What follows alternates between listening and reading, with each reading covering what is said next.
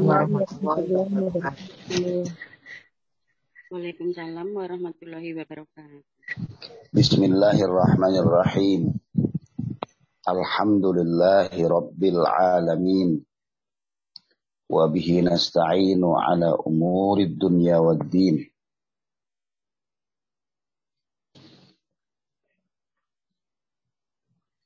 أشهد أن لا إله إلا الله وحده لا شريك وأشهد أن سيدنا ونبينا محمدا عبده ورسوله الذي لا نبي بعده اللهم صل وسلم وبارك على سيدنا محمد وعلى آله وصحبه أجمعين سبحانك لا علم لنا إلا ما علمتنا إنك أنت العليم الحكيم ولا حول ولا قوة إلا بالله العلي العظيم أما بعد قال المصنف رحمه الله تعالى عنه ونفعنا به وبعلومه في الدارين آمين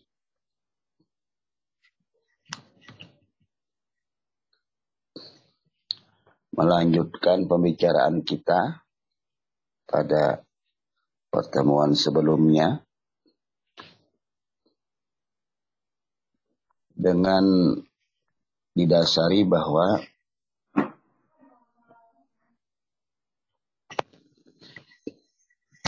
seorang mukmin wajib hukumnya dalam beribadah mengetahui ilmunya dalam beribadah. Sekalipun diperbolehkan. Dalam hal tauhid seorang hamba mengikuti di awal-awal.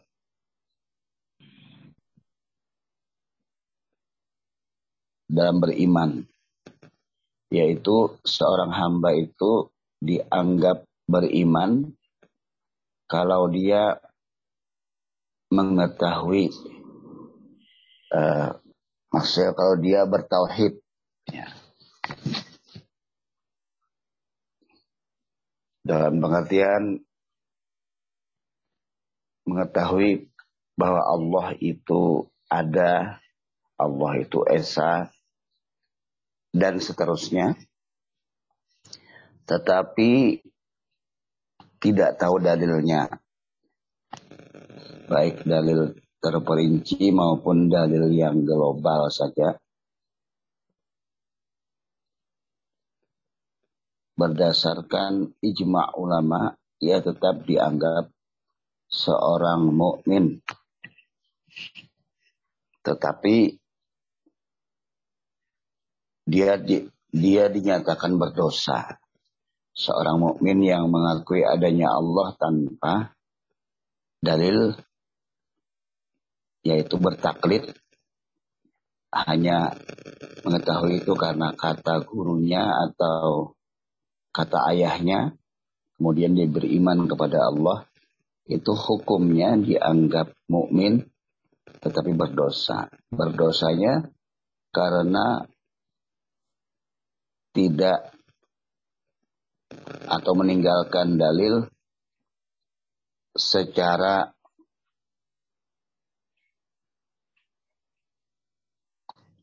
ijmali secara global.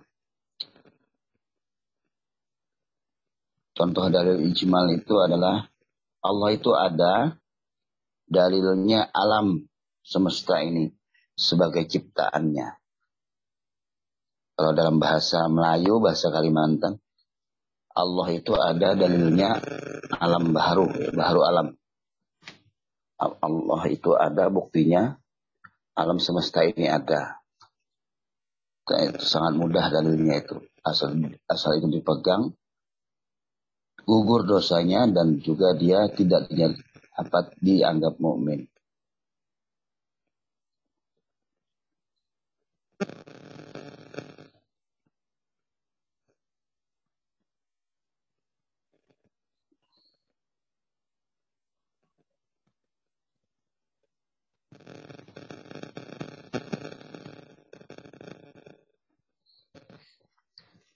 Kemudian dalam hal fikih, dalam hal beribadah, juga walaupun boleh bertaklid, tetapi dianggap berdosa apabila tidak tahu ilmunya dalam beribadah, dalam berfikih. Sekalipun ibadahnya benar, itulah kesepakatan ulama. Berarti kita diwajibkan mengetahui misalnya sholat itu bahwa syaratnya itu berwudu. Dia juga harus tahu apa saja rukun wudu yang yang umum-umum saja, ya, yang rukun-rukunnya. Tidak mesti dia tahu tentang hal-hal yang sunnah.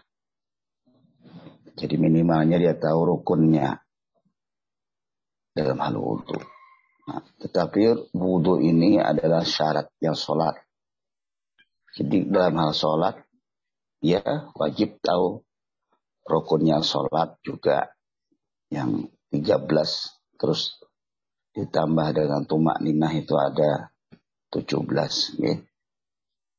Syaratnya dia juga harus tahu syaratnya itu berwudu, suci badan, pakaian, tempat sholat, menutup aurat, masuk waktu, menghadap kiblat. Itu adalah syarat-syarat sholat. Itu yang wajib diketahui. Tetapi dalam hal fikih itu justru dia boleh bertaklid, boleh ngikut gurunya. Kalau dalam hal tauhid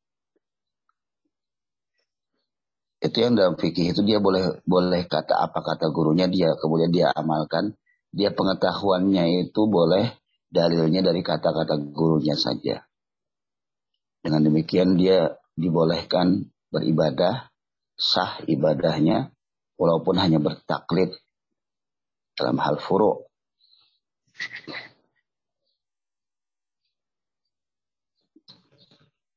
Dalam hal tauhid dia wajib tahu sendiri dalilnya. Walaupun di awal-awal boleh bertaklid. Tapi kalau bertaklid itu dia ditetapkan dia pas dia tetap berdosa walaupun sah sebagai mukmin. Itu perbedaannya tauhid dengan fikih. Nah, sebagai muslim dia wajib menyempurnakan dengan tasawuf. Makanya kemudian kita kita kaji tentang tauhid, tentang fikih dan tasawuf. Tasawuf itu untuk kebersihan hati, akhlak dan kemudian kesempurnaan menghadap Allah Subhanahu wa taala. Tapi seseorang yang bertasawuf tidak sempurna tanpa berfikih. Dan tasawuf serta fikih ini tidak ada artinya kalau dia tidak bertauhid. Jadi ketiga-tiganya saling melengkapi. Misalnya seorang ahli tasawuf itu adalah orang yang zuhud. Zuhud itu maksudnya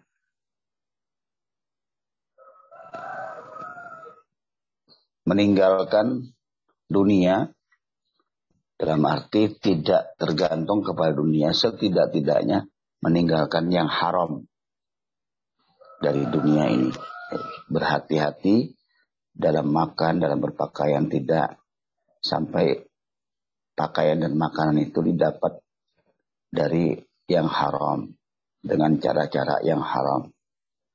Nah, itu dia bertasawuf. Tetapi kemudian dia dia tidak bisa meninggalkan fikih karena tahu hartanya itu halal atau haram. Demikian juga pakaian itu dari fikih. Jadi fikih itu mensahkan ibadahnya tauhid itu mensahkan ya apa tauhid itu untuk untuk pengenalannya kepada Allah. Jadi seseorang misalnya mengenal Allah itu kalau dia sudah tahu dalilnya secara ijmali, maka dia sah sebagai mukmin. Lalu dia harus beribadah secara fikih dan bertasawuf. Tasawuf ini adalah bagian-bagian batinnya. Di ibadahnya itu eh, dengan bertasawuf dia bisa khusyuk, dia bisa ikh. Dia tahu sifat-sifat yang buruk bagaimana. Kemudian juga dia tahu cara berzikir, cara menenangkan hati dengan zikir. Cara berlatih sabar, bagaimana bersyukur, bagaimana bersikap ridho. Itulah fungsi tasawuf. Nah, kemudian kali ini yang kita bicarakan sejak kemarin itu adalah untuk memperkuat tauhidnya. Di awal-awal dia harus sebenarnya dia harus mempelajari sifat-sifat Allah yang 20 macam itu. Pada tauhid ini Imam Ahlus Sunnah wal Jamaah yang memimpin adalah Al-Maturidi, Abu Mansur Al-Maturidi, dan Abu Hasan Al-Ash'ari. Yang inilah yang dijadikan panutan dalam hal tauhid oleh sebagian besar Islam di dunia dalam hal fikih kita menganut empat mazhab. Ada Syafi'i, ada Hanafi, ada Maliki. Kalau urutnya adalah yang pertama Hanafi, kemudian Maliki, kemudian Syafi'i, kemudian Hambali atau Ahmad bin Hambal. Dalam Ahlus Sunnah, imam yang dipegang Allah keempat imam itu. Dalam hal memegang mazhab syafi'i, maka kita adalah berpanutan kepada Imam Nawawi dan Imam Rafi'i secara rincinya di mazhab syafi'i. Tidak boleh bagi kita sekalipun kita apa namanya faham Quran dan Sunnah lalu beribadah menurut faham kita tanpa mengetahui mazhab tidak bisa kecuali kecerdasan kita, kealiman kita itu sekelas Imam Hanafi, Imam Syafi'i, ya, Imam Maliki, dan Imam Hambali. Boleh kita memaham dari Quran dan Sunnah langsung. Sekarang ini banyak orang yang langsung kepada Quran dan Sunnah. Kalau kita kepada Quran dan Sunnah dalam hal beribadah, tidak ketemu kita apa namanya tidak ketemu kita syarat-syarat sholat itu adalah menghadap kiblat. Kemudian suci badan suci tempat suci pakaian. Itu perinciannya di hadis. Kalau kita ke Quran saja tidak cukup. Ada orang yang langsung ke Quran. Sementara di hadis tidak dia pakai. Karena misalnya dia tahunya hadis itu banyak yang doif misalnya maka tidak bisa. Mengetahui hadis doif dan tidak itu dari imam-imam itu. Adanya perinciannya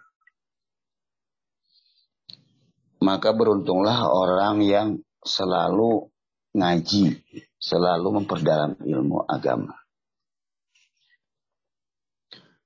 Berulang-ulang dikatakan oleh para ustadz di mana pun bahwa hadis Nabi yang mengatakan barang siapa dikehendaki oleh Allah menjadi orang yang baik maka yufaqihu fiddin man yuridillahu bihi khairan yufaqihu fiddin akan difakihkan dalam agama atau difahamkan dalam agama. Kalau seseorang mudah memahami agama karena ngaji terus, berarti dia dikehendaki sebagai orang baik oleh Allah Subhanahu wa taala. Maka kita terus ngaji, terus memperdalam ilmu agama itu agar kita baik. Baik itu artinya benar, sah, dan diterima dalam hal berislam kepada Allah Subhanahu wa taala. Baik, kita langsung ke pembahasan. Pada yang lalu kita bahas tentang wajah. Yang dimaksud dengan wajah kita sudah dapat diberitahu oleh para ulama. Kali ini kita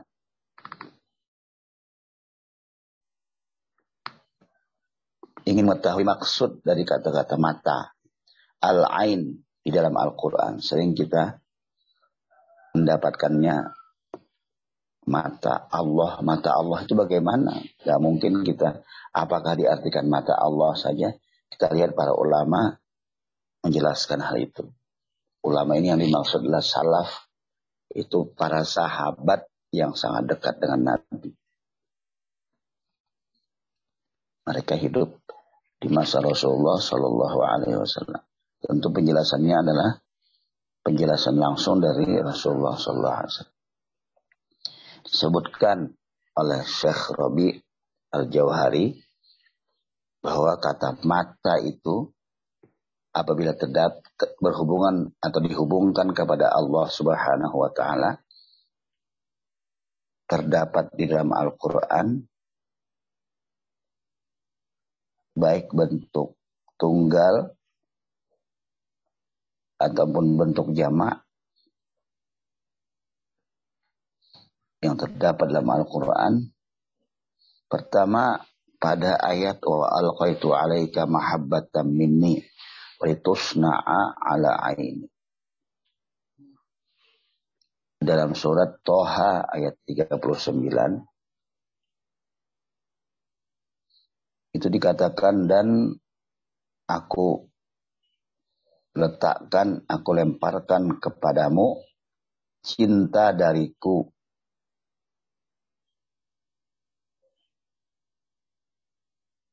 Dan agar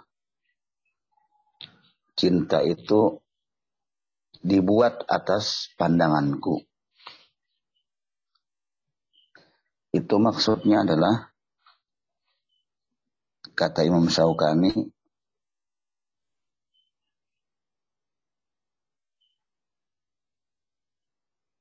agar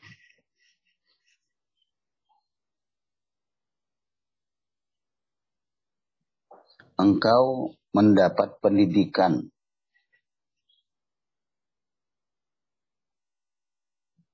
mendapat pemeliharaan dan mendapat makanan dalam hidupmu dengan pengawasan dariku. Maksud agar engkau itu selalu dalam penjagaanku kata Allah Subhanahu wa taala.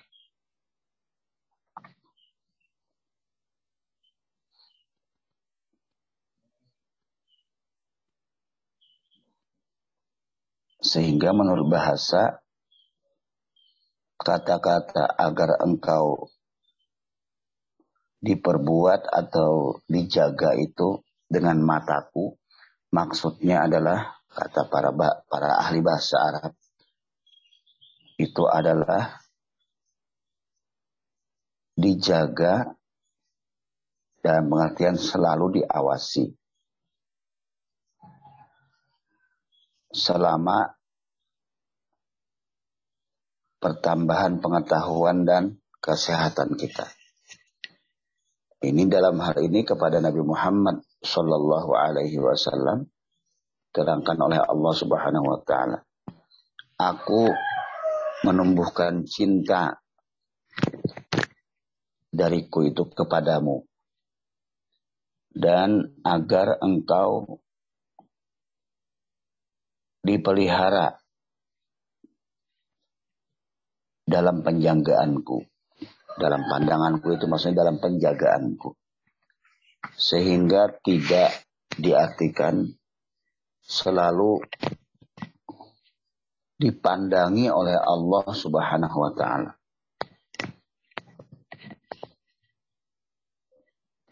Tetapi diartikan bahwa selalu dijaga oleh Allah Subhanahu wa taala pendidikan Nabi Muhammad sallallahu alaihi wasallam dan pertumbuhan Nabi Muhammad sallallahu alaihi wasallam. Itu menurut para ahli tafsir dan ahli bahasa.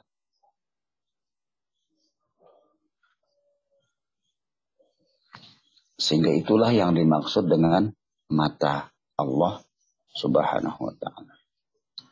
Pada ayat berikutnya adalah pada surat Uhud ayat 38, 37. Yaitu wasna'il fulka bi'ayunina. Buatlah perahu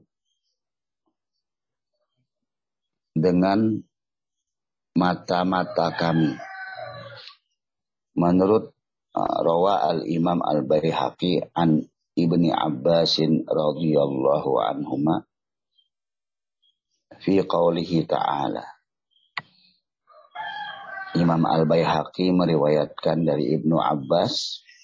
Ya, kita tahu Ibnu Abbas adalah sahabat Nabi yang juga merupakan saudara sepupunya. Ibnu Abbas adalah Abdullah bin Abbas. Abbas itu adalah pamannya Rasulullah Shallallahu Alaihi Wasallam. Beliau sering bersama Ibnu Abbas yang lebih muda dari beliau, jauh usianya, dan bahkan terkenal bahwa Ibnu Abbas itu didoakan oleh Rasulullah dengan doa Allahumma faqihu fiddin wa alim ta'wil Ya Allah, pahamkan dia dalam agama dan alimkan dia dalam takwil, maksudnya tafsir. Maka terkenal imamnya ahli tafsir adalah Ibnu Abbas.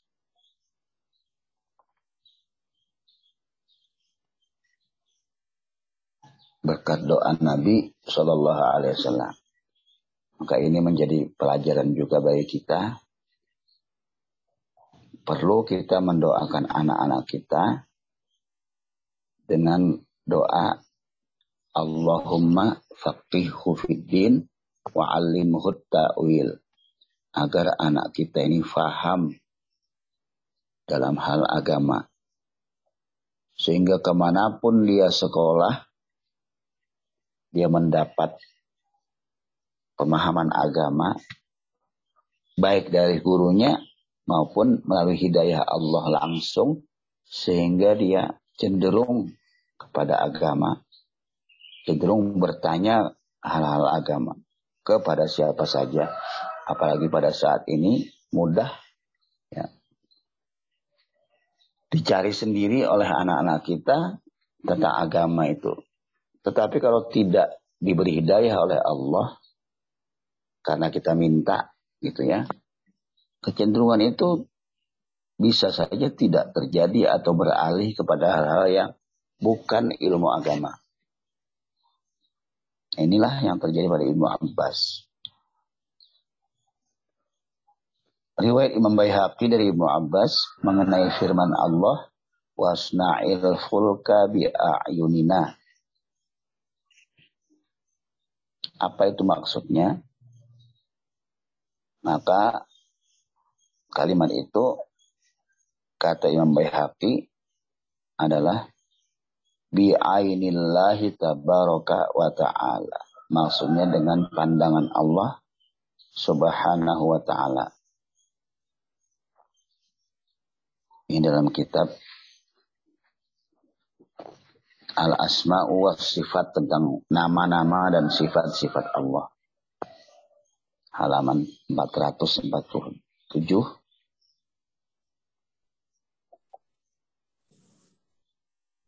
Nah, kemudian kata Imam Baihaqi, maksud pandangan Allah itu atau mata-mata Allah atau pandangan-pandangan Allah itu maksudnya adalah at-ta'zim adalah litta'zim itu untuk mengagungkan Allah Subhanahu wa taala. Tidak dimaksudkan dengan Allah memiliki banyak mata. Tidak demikian.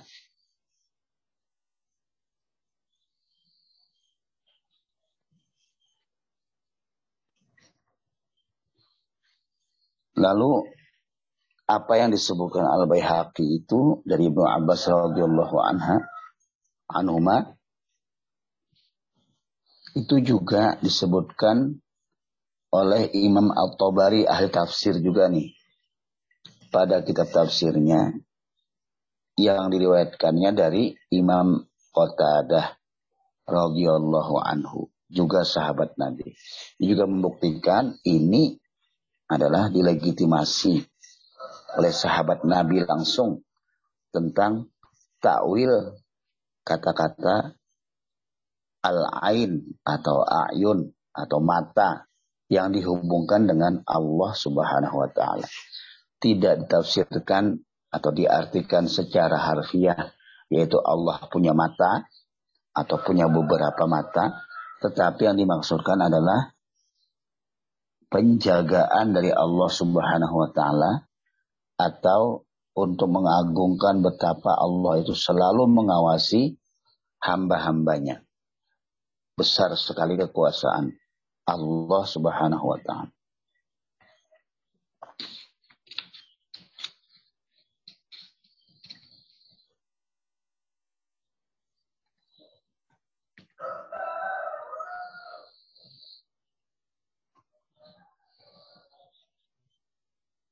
Maka kalimat isna'il fulka bi'ayunina. Buatlah perahu dengan mata-mata kami.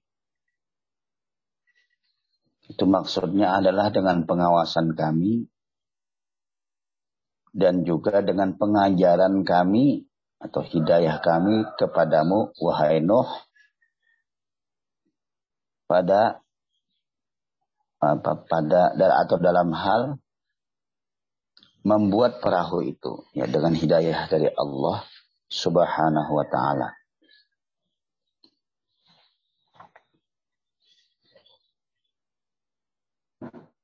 Kemudian kalimat pada ayat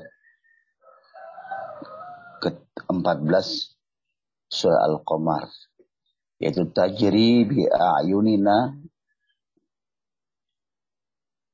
jazaan liman kana kufira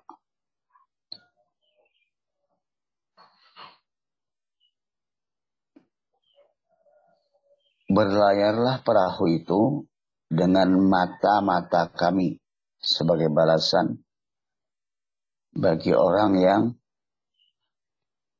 diingkari.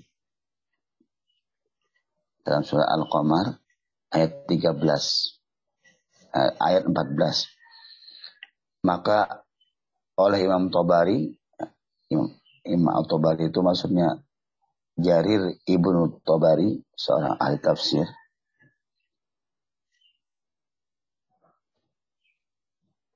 Qauluhu tajri bi ayunina. Yaqulu bi amrina. Maksud dari bi ayunina itu adalah dengan perintah, dengan mata-mata kami dia berlayar, maksudnya adalah bi amrina, yaitu dengan perintah kami, kata Allah subhanahu wa ta'ala. Sedangkan pada ayat ke-49 surat At-Tur wasbir li hukmi rabbika fa innaka bi a'yunina dan bersabarlah terhadap ketentuan Tuhanmu maka sesungguhnya engkau dalam engkau adalah maka sesungguhnya engkau dengan mata-mata kami.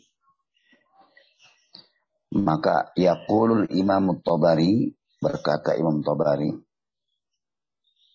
Allah Subhanahu wa taala menyebutkan kepada nabinya yaitu Muhammad sallallahu alaihi wasallam kata-kata dan bersabarlah terhadap ketentuan Tuhanmu wahai Muhammad yang telah menentukan hal itu kepadamu maka lakukanlah ketentuan Tuhanmu itu yaitu perintahnya dan larangannya. Dan sampaikanlah risalah dari Tuhan. Waballigh risalatihi. Dan sampaikanlah risalah-risalah Tuhan.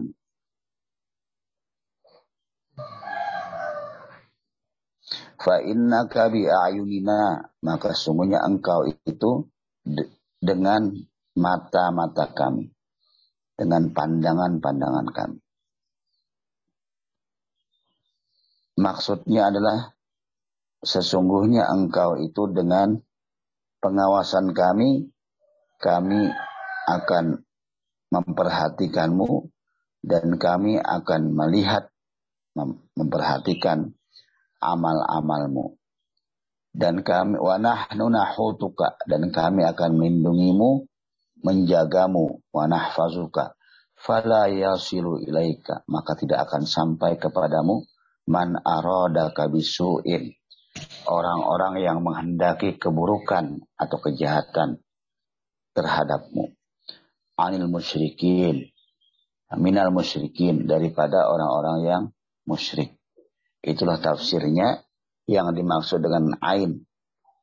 Apabila ain atau ayun itu terdapat di dalam ayat-ayat Al-Quran. Saya ulangi tidak diartikan dengan mata Allah, tapi bisa berarti atau diartikan dengan penjagaan dari Allah Subhanahu wa taala, perintah Allah Subhanahu wa taala dan perhatian Allah atau pengawasan Allah terhadap amal-amal yang dilakukan oleh manusia. Ini adalah keyakinan yang seharusnya dimiliki oleh seorang mukmin. Kenapa demikian?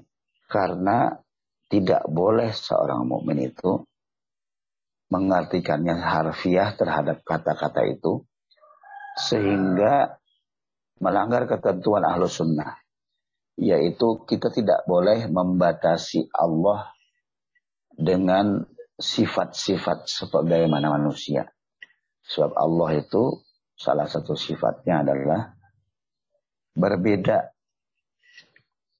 dengan manusia. Tidak sama.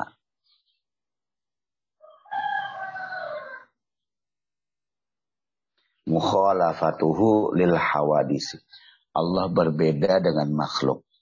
Maka tidak boleh kita menyamakan Allah dengan makhluk. Maka kata-kata dalam Al-Quran yang berarti anggota tubuh yang sama dengan makhluk itu tidak boleh kita artikan seadanya. Misalnya Allah mempunyai wajah harus kita kita tafsirkan, kita takwilkan agar pengertiannya tidak sama persis dengan makhluk yang mempunyai wajah dan juga mempunyai mata.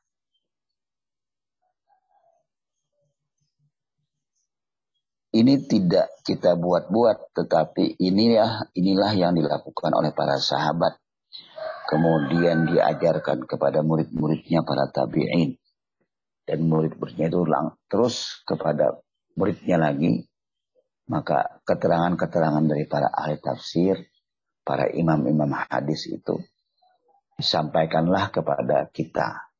Melalui kitab-kitab, melalui guru-guru kita, sampailah ke kita dan kita tidak dibenarkan apabila langsung mengutip dalam Al-Quran dan hadis, tetapi sesuai pemahaman kita. Tidak bisa, karena kita tidak luas ilmunya. Kita harus belajar dan mengutip pendapat-pendapat ulama yang lebih dahulu dari kita, yang lebih paham ilmunya tentang tauhid, tentang fikih, tentang tasawuf daripada kita. Seperti itulah cara menurut ilmu yang benar. Bagaimana dengan hidayah Allah Subhanahu wa taala kepada kita? Itu tidak bisa kita fahami sebagai diberi hidayah kemudian mendadak alim. Tidak mungkin. Itu pasti ada sebab. Maksud diberi hidayah itu adalah kita lantas kita cenderung kepada agama, ilmu agama. Lalu kita ngaji, ada proses mengaji. Dari situlah kita faham, kita alim tentang agama. Dari ngaji itu. Seperti yang dikatakan oleh Sayyidina Ali karramallahu wajhah wa radhiyallahu anhu bahwasanya ilmu itu didapatkan dengan belajar. Innamal ilmu bitta'allumi. Sungguhnya ilmu itu didapatkan dengan cara belajar, mendengar, melatih, menulis, menyimak, dan lain-lain. Meniru juga termasuk. Kepada gurunya. Falaisal mar'u yuladu aliman maka tidak seorang pun yang dilahirkan langsung menjadi alim. Rasulullah Shallallahu Alaihi Wasallam diangkat menjadi nabi itu beliau juga belajar diajari oleh Allah. Apakah langsung alim? Tidak. Diturunkan malaikat Jibril sebagai muallim beliau, guru beliau. pada masa itu memang masa-masa jahiliyah yaitu orang-orang yang pintar, yang bersair, hebat dalam hal sastra, tetapi dia menyembah berhala. Ya, dia gagal menemukan Tuhan. Jadi anggap anggapan dia kemudian dicampur dengan takhayul, dengan khayalan. Mereka-reka sendiri menafsirkan sendiri. Karena tidak ada petunjuk dari Allah. Setelah wafatnya Nabi Isa alaihissalam, orang-orang itu kemudian tidak mendapatkan petunjuk dari Allah namanya masa fatrah, ya, vakum dari ilmu agama. Maka orang-orang yang mendapat petunjuk hanyalah orang-orang yang melaksanakan ajaran Nabi Ibrahim yang disampaikan oleh Nabi Isa dengan jalan yang benar. Pada masa itulah Nabi mendapatkan wahyu dari Allah Subhanahu wa taala. Sehingga Nabi tidak mendapatkan guru. Ya, guru yang ada, yang alim adalah dalam agama lain. Dalam agama Nasrani. Misalnya Waraqah bin Naufal yang merupakan paman dari Siti Khadijah radhiallahu anha. Walaupun Siti Khadijah juga mengikuti ajaran Nabi Ibrahim bertauhid tidak menyembah berhala. Maka oleh Allah Subhanahu wa taala diturunkan malaikat Jibril untuk menyampaikan wahyunya itu. Sekaligus juga mengajari Nabi Muhammad Sallallahu Alaihi Wasallam segala hal-hal secara rinci. Tentu saja dibedakan mana yang wahyu Al-Quran, mana yang pelajaran dari Allah Subhanahu wa Ta'ala tentang penjelasan wahyu itu. Dari situlah para ulama dari kalangan sahabat tabi'in dan tabi'ut tabi'in masa-masa 100 tahun, 200 tahun, 300 tahun setelah Nabi Muhammad SAW lalu kepada muridnya lagi, para ulama, para solehin, sampailah kepada kita setelah 1400 tahun kemudian, kurang lebih. Dari guru-guru kita yang ditakdirkan Allah mengajari kita bersama-sama belajar dengan kita.